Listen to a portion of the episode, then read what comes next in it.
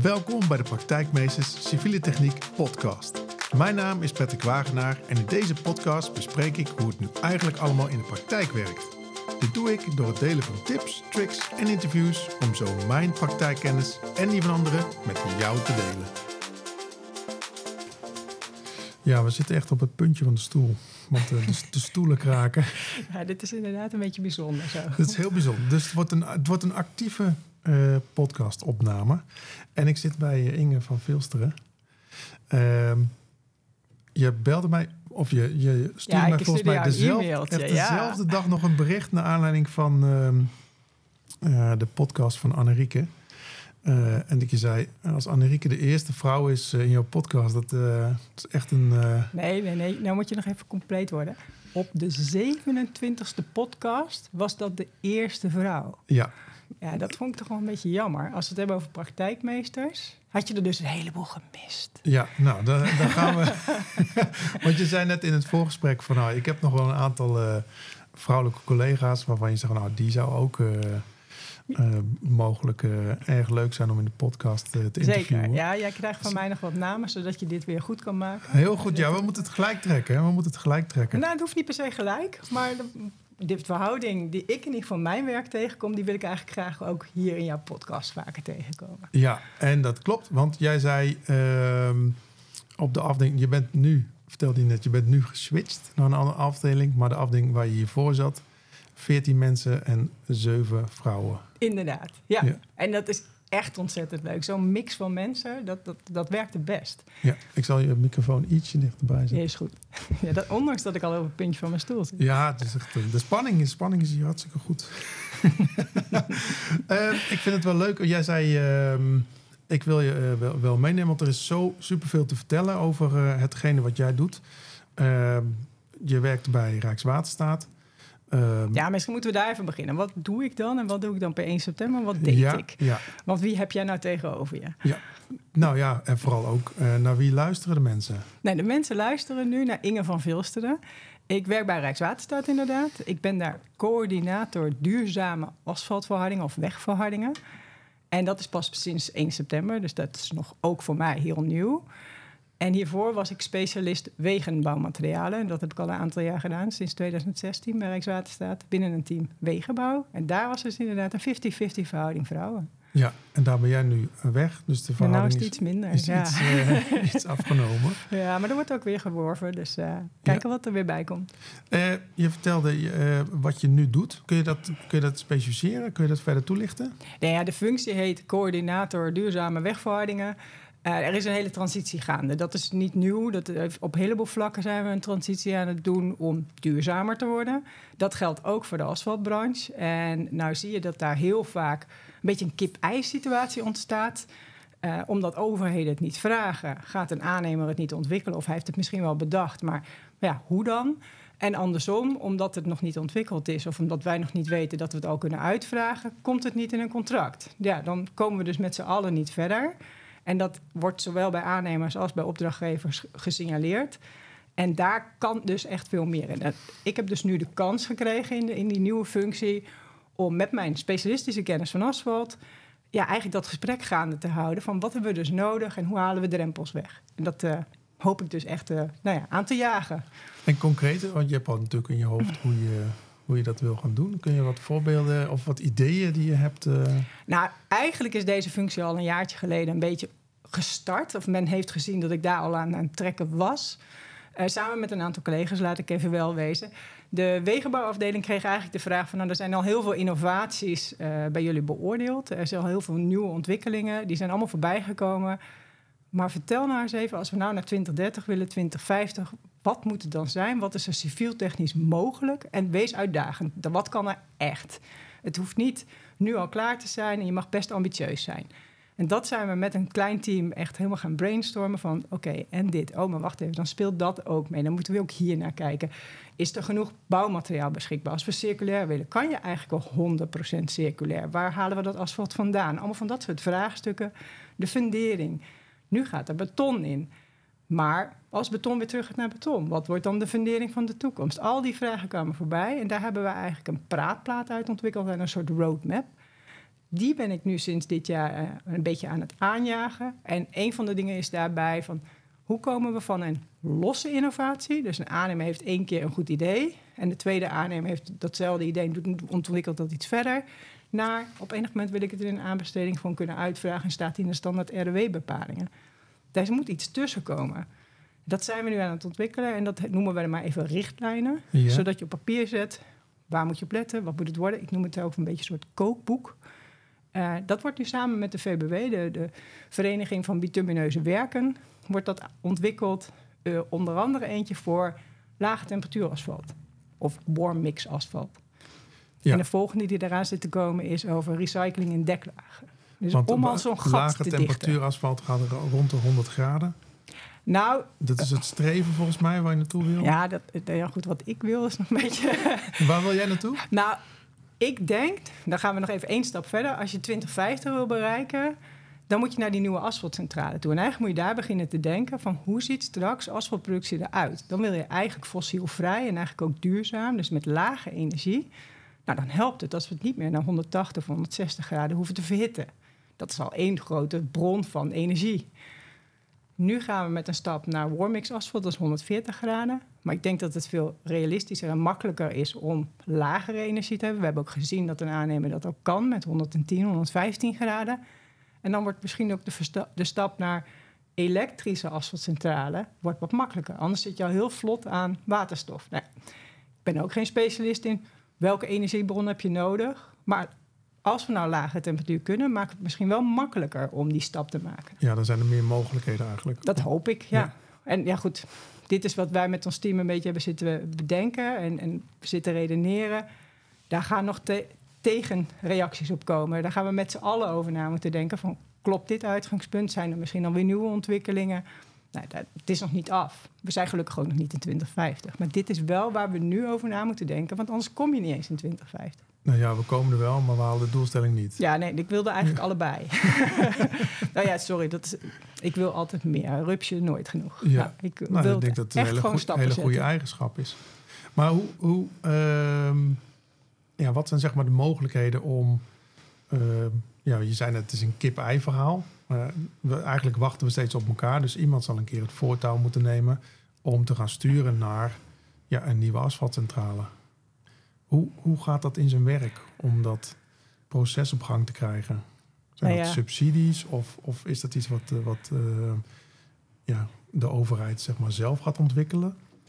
Nou ja, eigenlijk moet je gaan verkennen wat er sowieso de, de drempels zijn nu. Dat is voor een heleboel van dit soort ontwikkelingen. Wat is de drempel die welke je moet wegnemen? En hoe stimuleer je dat we dit kunnen doen? Een van de stappen die hiervoor gezet is met die MKI. Eerst had je geen echte goede rekentool om CO2-verlaging goed te berekenen of, of hè, energie. Of, daar hebben we met z'n allen een afspraak over gemaakt. We werken met MKI. We gaan ook die manier uitvragen. En dan ineens zie je dat er een heleboel op gang komt. Dus er is een, daarmee eigenlijk een drempel weggenomen. Ja, voor de mensen die de term uh, niet uh, kennen, MKI. Milieukostenindicator. Ja, en, en daarmee probeer je in kaart te brengen wat eigenlijk de belasting is op het milieu. En die druk je uit in kosten. Ja. Maar goed, verder moet je me niet vragen, want dat is echt niet mijn specialist. Wat ik zei, ik ben specialist wegenbouwmaterialen. Ja, ik gebruik die MKI. Ja, heel goed. Ik gebruik hem ook. En ik weet dat er ook een... Um, uh, ja, er zitten een aantal uh, uh, schalen in die bij elkaar de MKI maken. Dus transport zit erin, maar leverantie van materialen... Um, en ook de verwerking bij de asfaltcentrale. En ik weet ook dat men zich daar heel erg op concentreert. Juist ook om die markt uh, te doen bewegen, om die asfaltcentrale uh, duurzamer te maken. Als je gewoon gaat kijken naar Nederland, de Nederlandse situatie, dan kijk je naar asfalt. Wat zit er in asfalt? Er zitten stenen in, er zit bitumen in, dat is eigenlijk een olieproduct, en er zitten vulstoffen in. Vulstof is eigenlijk ook ja, kalk. Dat komt uit België die stenen, we hebben hier geen bergen, komen ook uit het buitenland. Dus we halen heel veel uit het buitenland. Er moeten echt groeves voor gegraven worden. Dus dat heeft impact op de omgeving. Als we dus kunnen hergebruiken, circulair zijn, ja, dan zijn we die bouwstoffen gewoon in één keer weer aan het hergebruiken. Die steen is niet echt vergaan, dat is gewoon nog steeds een steen, dus die kan je opnieuw gebruiken. Voor die bitumen moeten we wel iets verzinnen van hoe kan je dat bindmiddel weer echt laten binden. Ja. Bitumen is plaksel, hè, dat zwarte in, in Ja. asfalt. Eh, dus nou, ja, daar moet je nog naar, naar gaan kijken van kunnen we dat met een chemische toevoeging weer verjongen, zodat het weer opnieuw plakt en bindt Ja. daar zijn ontwikkelingen in gaande. Dus er, er, wordt al heel veel gedaan en asfalt is daarmee opnieuw herbruikbaar. Oftewel, we hoeven misschien nog niet direct naar nieuwe bindmiddelen, biobindmiddelen of fossielvrije bindmiddelen. Laten we eerst beginnen met wat we zelf al hebben. Dat asfalt op de weg is eigenlijk nu onze bron. En die gaan we hergebruiken. En dat is dus, als je dan in die MKI gaat kijken, al die bouwstoffen die we nu uit het buitenland halen, ja, een heel stuk kan je daar dus afhalen. En komt dus uit onze eigen bouwstoffen straks. ja, en dan krijg je een heel ander een lagere MKI. Ja. En dan is de volgende is die fabriek. Die fabriek die nu heel veel energie verbruikt, ja, daar zit ook nog heel veel in. En dat is echt het overgrote deel van de MKI-som. Want daarna is nog de aanleg, het gebruiken, het weer slopen. Daar zit ook absoluut nog energie in. Maar Ja. Ja. Nou, dat is een mooi streven om ook die, eh, die fabriek eigenlijk aan te gaan pakken. Eh, we gaan een beetje, want je was al, eh, je hebt verteld wat je nu doet. Eh, hiervoor eh, stond je buiten. Ik heb filmpjes van je gezien. Je staat buiten bij de asfaltmachine met oranje jas en oranje broek. Ja. Temperatuurmeter. Ja, ik zei tegen jou, dit heet de praktijkmeesters. Laten we samen ook eens praten over de praktijk. Ja. Want inderdaad, wat ik nu doe, heeft ook wel te maken met de praktijk. Maar ik doe ook heel veel op het kantoor, op het bureau. En, en denk mee en praat met, eh, met aannemers, met producenten van asfalt. Eh, en met mijn eigen collega's, de wegenbouwspecialisten. Met wat hebben we nu nodig? En hiervoor heb ik gezeten bij een ingenieursbureau. En daarin stond ik inderdaad gewoon op het werk. Oranje jas aan, temperatuur meten, eh, dat soort zaken. Laboranto sorry, monsters nemen uit het asfalt, hoppermonsters. zodat die meegingen naar het laboratorium. Eh, om echt de kwaliteit van asfalt te beoordelen. En dat heb ik 15 jaar gedaan, denk ik, in al met al. Eh, bij dat bureau. Ik heb niet 15 jaar langs de weg gelopen. Ik heb allerlei rollen daar gehad. Ja. Ja. ja, meestal zeggen ze met de poot in de klei, maar in dit geval met de poot op het asfalt. Ja, op dat warme asfalt. ja. Oh, met die, wel met die speciale schoenen, want anders plakt het echt. Ja, je krijgt heel hele warme, hele warme voeten ook, inderdaad. Ja, en bij voorkeur niet eroverheen lopen. Hè. Nee. eh, gewoon mooi laten afwassen en afblijven. Ja. na de beleiding erop. Yes. Wat heeft je doen besluiten eh, toen jij, eh, nou ja, zeg maar net van, van school afkwam? Dat je dacht, ik ga de civiele techniek in. Ja, maar goed, dat, dat, hoe lopen zulke dingen? Ik, dan gaan we even helemaal terug. Ja, ja, Eh, van huis uit heb ik de HAVO gedaan. Eh, was best aardig goed in wiskunde, een beetje goed in natuurkunde, totaal niet in talen. Dus nou ja, ik was thuis eh, nou ja, gewoon normaal. Mijn ouders zijn niet technisch opgeleid. Mijn vader heeft elektrotechniek gedaan, maar doet daar helemaal niks mee. Eh, dus daar heb ik het niet echt meegekregen. Maar ik had veel meer met wiskunde dan met talen.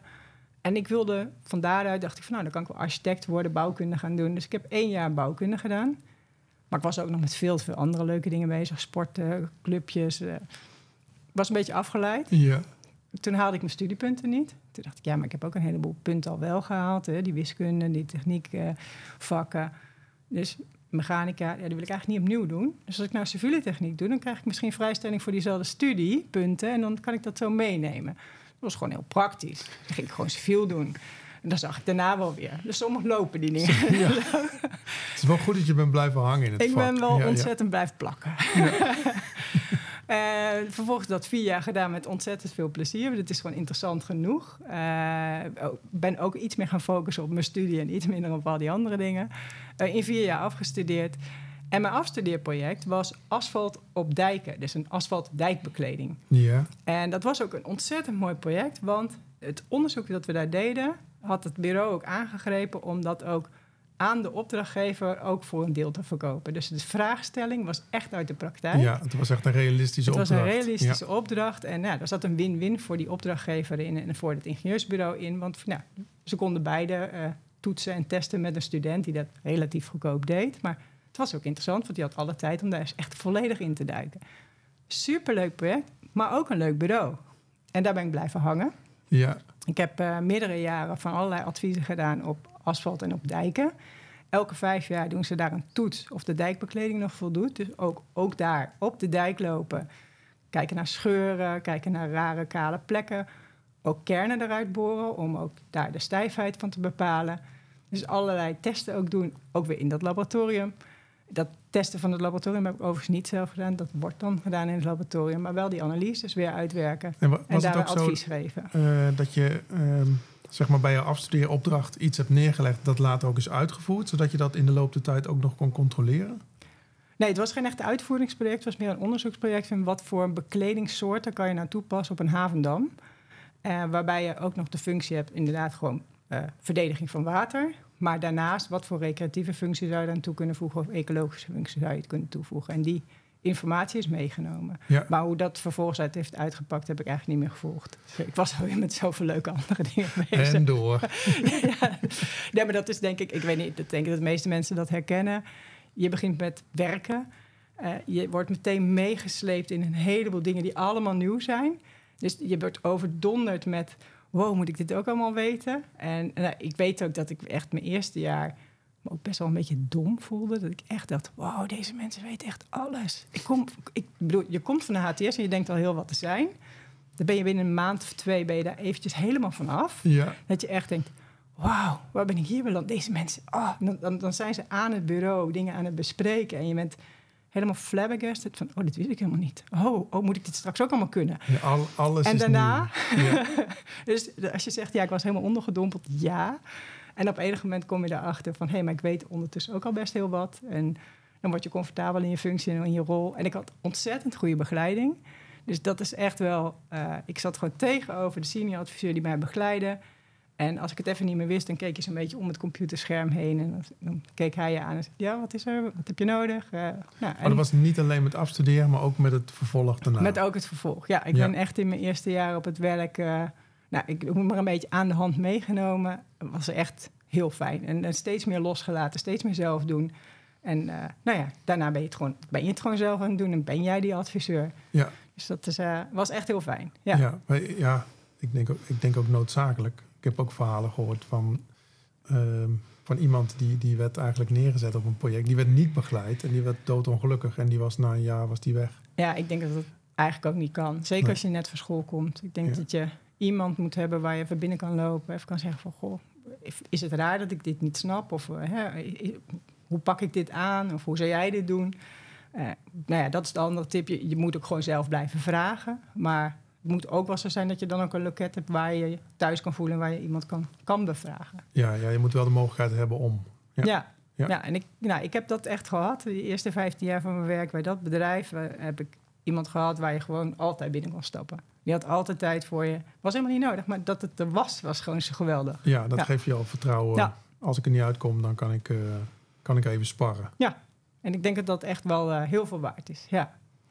Het aan, aan- aan tip voor alle werkgevers. ja. ja. Nou, ook een tip voor de mensen die net starten.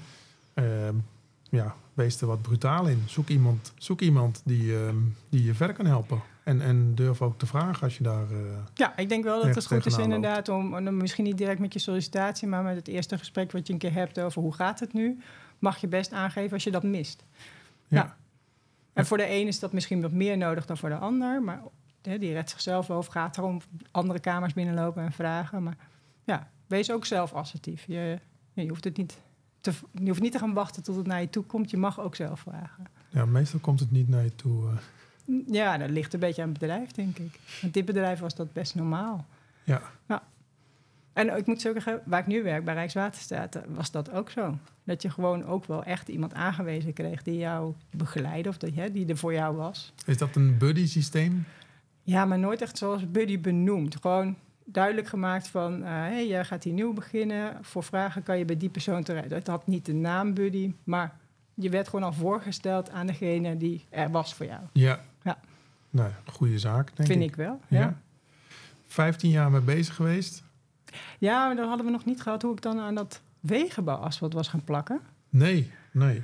Dus, en dat, dat is, de, nou ja, wat ik zei, elke vijf jaar was er zo'n toets op die dijken. En op enig moment was er even een tijdje een luwte in dat werk.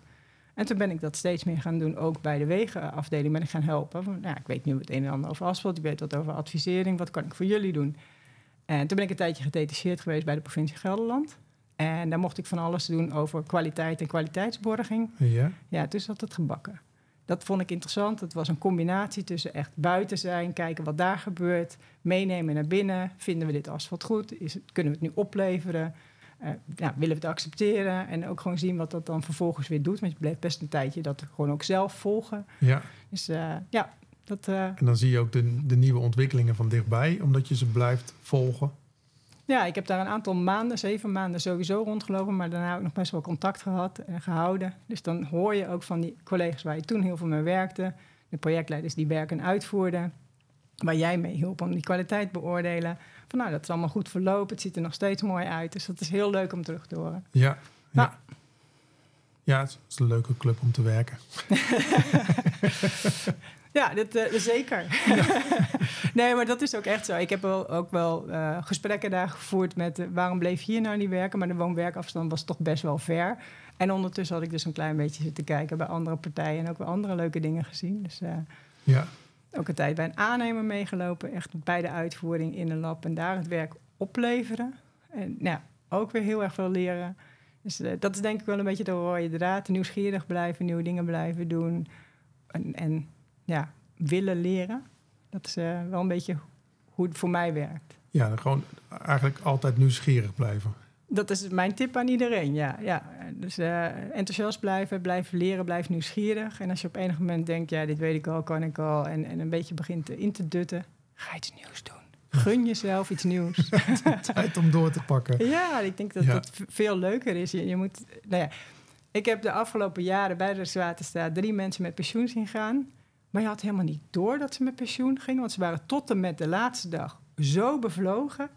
Ik hoop dat, dat ik dat ook mag zijn en dat ik het tot en met de allerlaatste dag gewoon echt nog net zo enthousiast doe als ik het vandaag doe. Ja. Dus, uh, nou ja. Dat zijn de mensen die als je hoort... Als iemand mij ziet afstompen, ja. zeg mij, ga iets nieuws doen. dat zijn de mensen die je hoort van, oh ja, ik, ik moet met pensioen. Die willen eigenlijk gewoon... Ja, die hadden het, het zo naar hun zin. Ja, ja. Dus dat is echt superleuk, ja. Um, daarna kwam er uh, bij Rijkswaterstaat de mogelijkheid. En toen dacht je, die ga ik pakken. Ja, dat klopt inderdaad. Want wat er bij Rijkswaterstaat gebeurd is, is dat er een hele tijd geen mensen zijn aangenomen. Ja. Uh, er is een hele periode geweest uh, ja, die ingegeven was op alles gaat naar de markt, markt tenzij. Uh, daarmee was ook dat er een heleboel mensen die met pensioen gingen niet werden vervangen. Er kwamen een hele tijd geen vacatures. En ik heb daar een tijdje meegekeken in de keuken van die, ook weer die wegenbouwafdeling. Toen zij ook een steunpunt hadden ingericht, wat ook door de markt werd voorzien als eigenlijk een flexibele schil voor advisering aan de verschillende projecten. Naast de specialisten die er dan bij de wegenbouwers zitten. En dat was zaten daar leuk. Dan, zaten daar ingenieursbureaus in of zaten daar aannemers in? Nee, dat was een ingenieursbureau die ook een aanbesteding had gewonnen dan om dat, die flexibele schil te voorzien. En uh, daarin zitten dan dus ook wegenbouwadviseurs, die eigenlijk ook meteen dus aan de projecten uh, mee konden kijken bij Rijkswaterstaat. Dus ook die adviseurs hebben volgens mij heel veel geleerd. Uh, er komen vanuit het hele land komen vragen waarbij de adviseur op het project het even niet meer weet. En dan komen ze naar die specialisten toe en zeggen van nou, wat, ja, hoe moet ik dit nou aanpakken? De aannemer heeft een alternatief, net anders dan in de contracten staat. er is buiten iets misgegaan. Moet ik het nou accepteren? Kunnen we het er beter uithalen? Hoe zit dit? olielekkage. Kan ik dit laten liggen of moet ik het nu in één keer oppakken? Ja. Nou, bijzondere vragen komen dan bij die specialisten binnen en soms dus ook bij dat ingenieursbureau. En nou ja, ik was ingehuurd als een van die ingenieursbureaus om daar te helpen. Kon je dus mooi een kijkje in de keuken krijgen bij die specialisten. En wat ik daar zag, is dat daar zulke bevlogen mensen zitten met zoveel enthousiasme en passie over hun vak praten. Ja, daar, daar hou ik wel van. Ja. En ja, dat was ook wat ik eigenlijk dus ook wel wilde. Dus dat nou ja. zie ik ook bij jou overigens. ik hoop dat dat ook overkomt in, in geluid. Dat gaan we ontdekken. maar uh, ja, ik, ik heb heel veel passie voor mijn vak. Ik draag dat dus ook graag uit. Daarom dat ik ook bij jou in die podcast wilde. Ja, ik had ook geen keuze. Ook, Je uh, kreeg moest, niet heel veel keuze. Gewoon... Uh, dus uh, nou ja, en ik, ik heb dat dus gezien. Het is toen er uiteindelijk wel weer mensen aangenomen worden. Eigenlijk is er een verandering plaats aan het vinden binnen Rijkswaterstaat de afgelopen jaren. Er wordt steeds weer meer technologie aangenomen. Het is niet meer alleen maar markt en zijn, maar het is samen met de markt. Dus je wil zelf ook de kennis hebben, zodat je een sparringpartner bent voor die aannemer. Uh, dat is ook in de regionale diensten zo.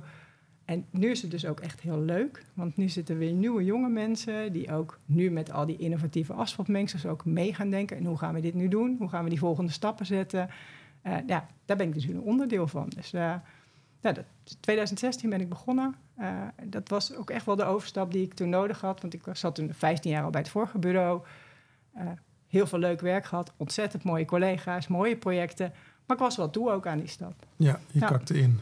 Iemand zei, ga wat anders doen. Ja, ja, maar in ieder geval mijn stemmetje in mijn hoofd zei van... dit is een mooie kans, die moet je grijpen. Ja, nee, ik, ik, vroeg het net aan je in het voorgesprek... en toen zei ik van, er was toch een keer een, een kentering... dat er eigenlijk, uh, ja, zeg maar, mensen uitgingen uh, bij Rijkswaterstaat... maar niet echt werden vervangen. En dat, ik had zelf het idee, maar ik heb er nooit uh, ingezeten dan... dat, ik dacht van, nou, misschien gaat er dan wel kennis verloren. En jij zei van, nou, het was markt en zijn. Dat heeft ook heel veel opgeleverd. Ja, het is denk ik een. Eh, het, het, klopt wel een beetje wat je zegt. Hè? Omdat je natuurlijk mensen die met pensioen gingen niet meer het vervangen. Moesten steeds kleinere club mensen dus die kennis vast zien te houden. Ehm, maar gelukkig hadden ze daarvoor hadden ze zelf een laboratorium. Die mensen hadden allemaal nog echt aan dat asfalt gesnuffeld in het laboratorium. Ah, nou ja, die hebben zelf dat zwart aan hun vingers gehad. Uh, dus er zaten nog ontzettend veel oude rotten die heel veel kennis hadden. Maar die club werd wel steeds kleiner. Maar tegelijkertijd, doordat je het aan de markt hebt neergelegd en ook daar hebt neergelegd van ja, toon aan dat het werkt, toon aan en geef dat vertrouwen en laat ons zien dat je het kan, is er heel veel innovatie in Nederland bij de aannemers, bij de verschillende asfaltproducenten. En ja, daar blinken wij ook echt wel in uit. Want als je in Europa kijkt, ik ben wel eens in Duitsland geweest voor een normcommissievergadering en dan wordt dat ook echt gezegd. Want in Duitsland schrijven ze gewoon een beetje voor van hoeveel bitumen moet erin, welk steentje moet erin en hoe moet je het mengen en zo moet je het maken ja, dan haal je alle ruimte voor een opdrachtnemer, voor een aannemer, voor een producent, haal je eruit. Terwijl we hier echt R&D-afdelingen hebben bij asfaltproducenten die gewoon nadenken over, ja, en als ik er nou dit bij doe, als ik dus nu meer recycling gebruik, wat kan ik met biobindmiddelen? Al die stappen zijn ze nu mee bezig. Ja. Dus dat geeft ook heel veel nieuwe ontwikkelingen. En die had Rijkswaterstaat nooit in hun eentje zelf helemaal kunnen doen. Dus ik, nee, daar heb je, zie daar heb je echt ook wel heel veel mooie ontwikkelingen daarin. En ik denk dat de, de samen eigenlijk de beste is. Want je hebt ook wel een sparringpartner nodig... die wel wat snapt van dat asfalt... om ook dat gesprek over dat nieuwe innovatieve asfaltmengsel te kunnen hebben. Dus het is wel een en-en. Nee, toen ik je net sprak, eh, hadden we het hierover. En toen... Uh, ik vroeg dit omdat ik... Ja, je ziet dit... Uh, bij Rijkswaterstaat is het zo'n beweging geweest, maar bij, bij, veel gemeentes zie je het ook. En die zijn vaak kleiner, hebben vaak minder mensen tot de beschikking, met name specialisten. Uh, en dan is de wegbeheerder vaak ook uh, de openbare verlichtingbeheerder en eigenlijk de openbare ruimtebeheerder. doet zo'n beetje alles. Ja. Uh, en ja, daar zit natuurlijk mega veel kennis. En als dat dan ja, ook daar moet je zeg maar sparrings. Ik vind eigenlijk dat je daar een sparringspartner moet kunnen zijn voor een aannemer als je een werk. Uh, ja, ik denk dat het zeker bij wat kleinere gemeenten best heel lastig is. Ik benijd die mensen niet, want ze moeten alles weten: de riolering, de fundering, het asfalt, de, de klinkerbestrating, de berm, de bomen, de verlichting. Ja. Alles zit als beheerder van de weg daarbij allemaal bij. Uh, nou ja, met een beetje geluk doe je dat met twee en heb je nog iemand om mee te sparren. Maar als je pech hebt, dan ben je in je eentje. En als zo iemand dan wegvalt of, of gewoon met pensioen mag, als daar een nieuwe het helemaal alleen moet gaan doen, nou, dat is echt wel een enorme kluif werk. Ja, en dan zit het vaak ook, de meeste kennis ook nog in het kopie uh, bij de desbetreffende collega. Ja, maar dat krijg je ook allemaal niet eens op papier en in digitale systemen. Zelfs al had je alles in het digitale systeem, ja, dat hoofd op een of andere manier is veel makkelijker toegankelijk dan alles op gaan zoeken in, in een, nou ja, wat voor een mooi systeem je ook hebt. Ja. Het wordt wel steeds beter, die digitale systemen kunnen steeds meer met GIS, ook gewoon een kaartapplicatie, kun je gewoon aanwijzen wat zit hier. Dus het wordt wel steeds toegankelijker. Maar uh, ja, ik denk dat dat uh, best wel een enorme uitdaging is. Dus uh, soms zie je ook nog wel dat de aannemer die daar dan regelmatig rondloopt, dat die eigenlijk veel beter weet wat daar ligt. ja, dat die meer kennis heeft, ja. Maar goed, ik denk dat wat dan diezelfde kleine gemeente zich ook wel denk beseft, is dat je dus ook vaste partners nodig hebt om dat wegonderhoud, die bermonderhoud, dat groenonderhoud te doen. Ja, anders is het niet haalbaar. Ja, dus je doet het ook daar samen. Ja, ja. Uh, nou, we hebben al besproken waar je, waarom je hiervoor hebt gekozen. Uh, je zei net van, nou, je, eigenlijk in het, uh, je liet een beetje doorschemmen dat je superveel dingen leuk vindt. En toen zei hij, ja, maar ik, ik doe ook nog begeleiding van afstudeerders. en ik doe begeleiding van de, ehm, even kijken, de eh, vluchtelingen. Die ja, volgens mij... eh, vluchtelingstudenten inderdaad. nou, Ja. ik zou zeggen, vertel, wat, wat doe je nog meer Ja. bij? Ik denk dat dat tegelijkertijd met eh, alles wat ik nu bij de Rijkswaterstaat doe... ik denk dat de meeste collega's mij wel zo kennen... is dat ik het ook ontzettend prettig vind om kennis te delen. Ook bij mijn oude werk trouwens heb ik ook cursussen gegeven. Dus eh, ik, ja, ik weet nu ondertussen in al die jaren best wel wat. En ik vind het ook heel leuk om dat met elkaar eh, verder te ontwikkelen... en ook anderen daarmee deelgenoten te laten zijn. Andersom vind ik het ook ontzettend fijn als iemand mij mee meeneemt... in nieuwe kennis, want ik weet echt nog niet alles. Er is ook nog heel veel nieuws te ontdekken. En ik doe dat dus inderdaad bij vluchtelingstudenten. Eh, meestal is dat als zij een afstudeerproject moeten gaan doen. Eh, ja, dan kom je uit Syrië of waar dan ook vandaan, een oorlogsgebied. Je hebt hier alles opgebouwd, je bent die HTS gaan doen. Maar weet jij dan hoe een afstudeerrapport eruit moet zien? Eh, dat is best wel lastig. Van hoe diep moet dat gaan? Hè? Kop en staart, je hebt het misschien wel op papier gekregen. Nou, dat is ontzettend leuk om te eh, begeleiden. De eerste keer dacht ik van ja, iemand be- begeleiden in bouwkunde, want dat was het, een HTS Ja. afstudeerde bouwkunde. Ja, maar ik weet eigenlijk helemaal niet zoveel van bouwkunde. Hoe kan ik die nou helpen? Maar dat was niet het punt. Het ging er echt om van wat moet er in zo'n rapport komen? Waar begin ik? Hoe pak ik dat aan? Eh, nou, dat heb ik vaker gedaan. Ik heb heel veel rapporten geschreven in mijn leven. Dus het was heel leuk om die persoon te begeleiden, om te zien ook dat hij dan groeit. Ja, En dus, eh, dankbaar denk ik ook. Dankbaar ook, inderdaad. Maar ja, het was ook voor mij heel leerzaam. Gewoon wat je kan toevoegen en hoe diegene weer naar dingen kijkt. Dus, eh, en heel veel geleerd over cultuur. Dus Ja. ook superleuk. Dus je krijgt er ook meteen extra informatie bij. Gewoon, dus een verrijking voor mijn leven. Ja, UAF, onthoud even. ja, Dat is die vluchtelingenorganisatie waar je kan helpen om eh, studenten te begeleiden. Heel erg leuk. Ja, Ja.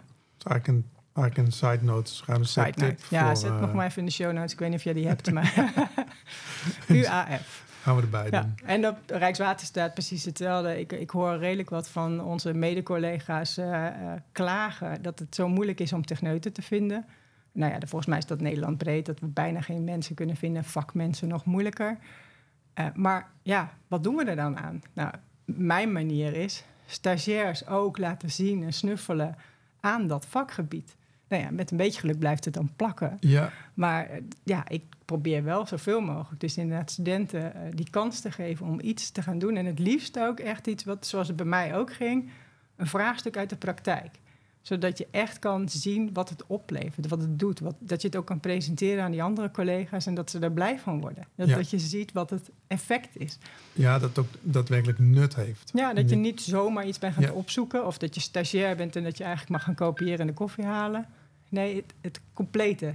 Gewoon echt een onderzoek, kop en staart in een halfjaartje tijd. Ja, Ja, superleuk. maar je zei net ook, eh, ik ga, we gaan nog veel verder. Want eh, ja, toen je mij een bericht stuurde van, Ja. er moeten vrouwen in de podcast komen. Dit kan niet, meer vrouwen. Toen zei ja, maar dit doe ik eigenlijk ook al eh, bij jongeren. Zeg Ja. maar. Nou ja, wat volgens mij een, ja, wat mij opvalt, en dat is natuurlijk als vrouw in de techniek zie je dat sneller, is, eh nou, er zijn inderdaad wat minder vrouwen in de techniek, maar bij Rijkswaterstaat heb ik er dus heel veel vrouwelijke collega's. Eh, bij TNO en bij de TU hebben we ook heel veel vrouwelijke specialisten. Nederland breed zijn wij echt relatief slecht scorend in vrouwen in de techniek. En vooral ook in vrouwen in de techniek behouden. Roemenië heeft dat helemaal niet. Italië en Griekenland hebben veel meer vrouwen. Daar is techniek niet per se een mannenberoep. Dat hebben wij in ons hoofd gehaald, ergens in het verleden. En wat ik dus nu doe, is bij eh, vooral HAVO, VWO, eh, middelbare scholen, vooral als ze eh, voor het pa- vakkenpakket keuze moeten maken, Ja, eh, werk ik met VHTO, weer een shownote, eh, werk ik mee om uit te leggen wat doe ik dan als techniekvrouw. Dus een ander soort rolmodel dan die ze altijd zien. ja, Dat techniek er dus ook zo uit kan zien. Nou, ik denk dat dat gewoon eh, een andere manier is om te laten zien wat ons vak brengt en wat we zo al doen. Heb je al wel eens terugkoppeling gehad van docenten? Dat, mensen, dat je dan merkt dat eh, scholieren toch min of meer overtuigd zijn omdat ze zo'n keuze maken? Want dat zou natuurlijk helemaal gaaf zijn.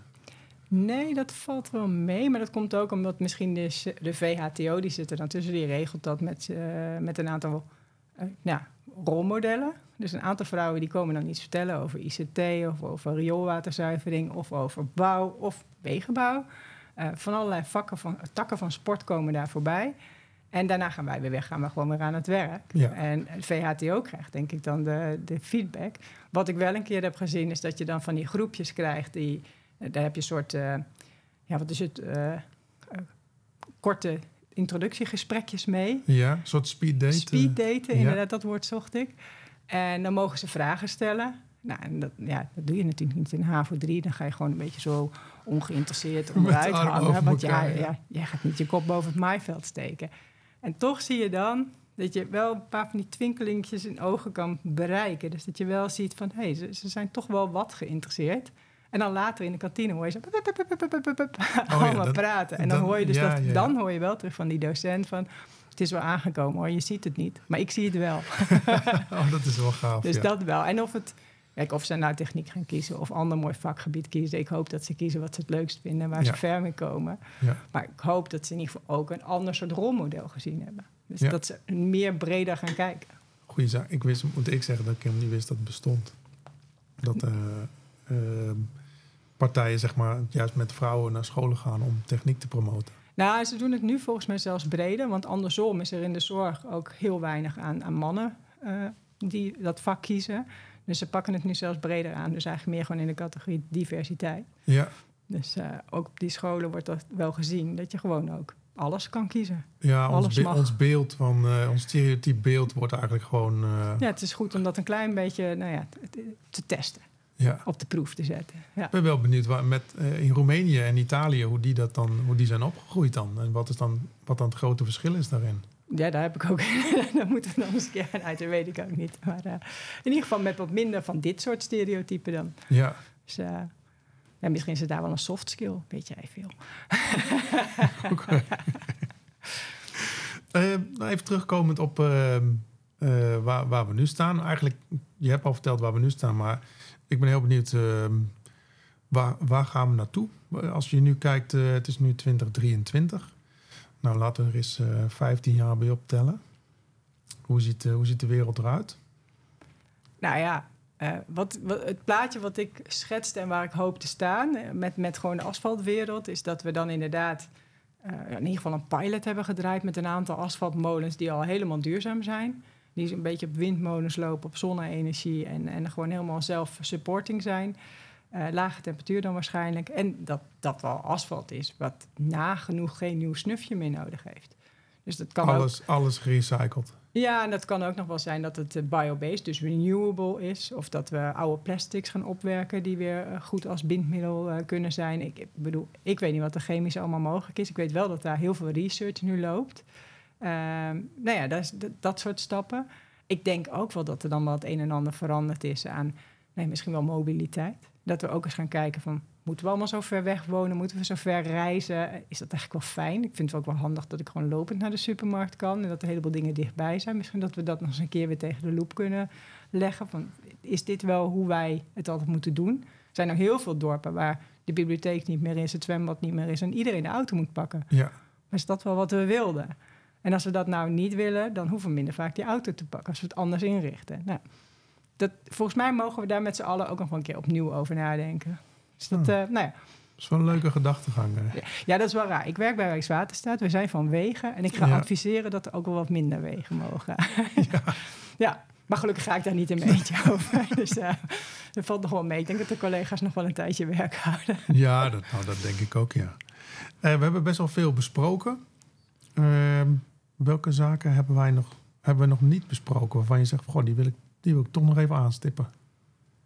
Nou, ja, dit heet de praktijkmeesters. En ik denk dat het uh, goed is voor mensen die eigenlijk net starten en, en net beginnen. Uh, om te weten, jij en ik hebben, we, zijn, we hadden één ding gemeen. We zijn allebei in 2000 afgestudeerd. Ja, we hadden klopt. daarin ook een groot verschil. Ik was juist heel erg inhoudelijk opgeleid. Van, op de HTS Windersheim gingen ze echt de diepte in en moest je echt gewoon constructieleer kunnen. Terwijl jij hebt meer projecten en kijken naar de volle breedte en nou ja, hou ook rekening hiermee, hou ook rekening daarmee. Ja. Nou, dat zie je dan vervolgens in het veld bij elkaar komen. Maar ik denk dat we vervolgens iets gemeen hebben. Uh, is als je gaat werken, dan is alles nieuw, weet je het helemaal nog niet. En vervolgens ben je nu 23 jaar verder en ja, heb je iets te delen. En ik denk dat dat ook is wat, je, wat we dus ook moeten meegeven, is deel die kennis. Zorg dat, dat nieuwe mensen ook opgeleid worden. Maak ze ook enthousiast voor ons mooie vak. Ja. Uh, volgens mij is er heel veel te doen in de techniek. Er is heel veel gaande. Over twee weken zit ik in, Antwerpen bij de universiteit. Gaan we een heel verhaal vertellen over inderdaad dat nieuwe asfalt.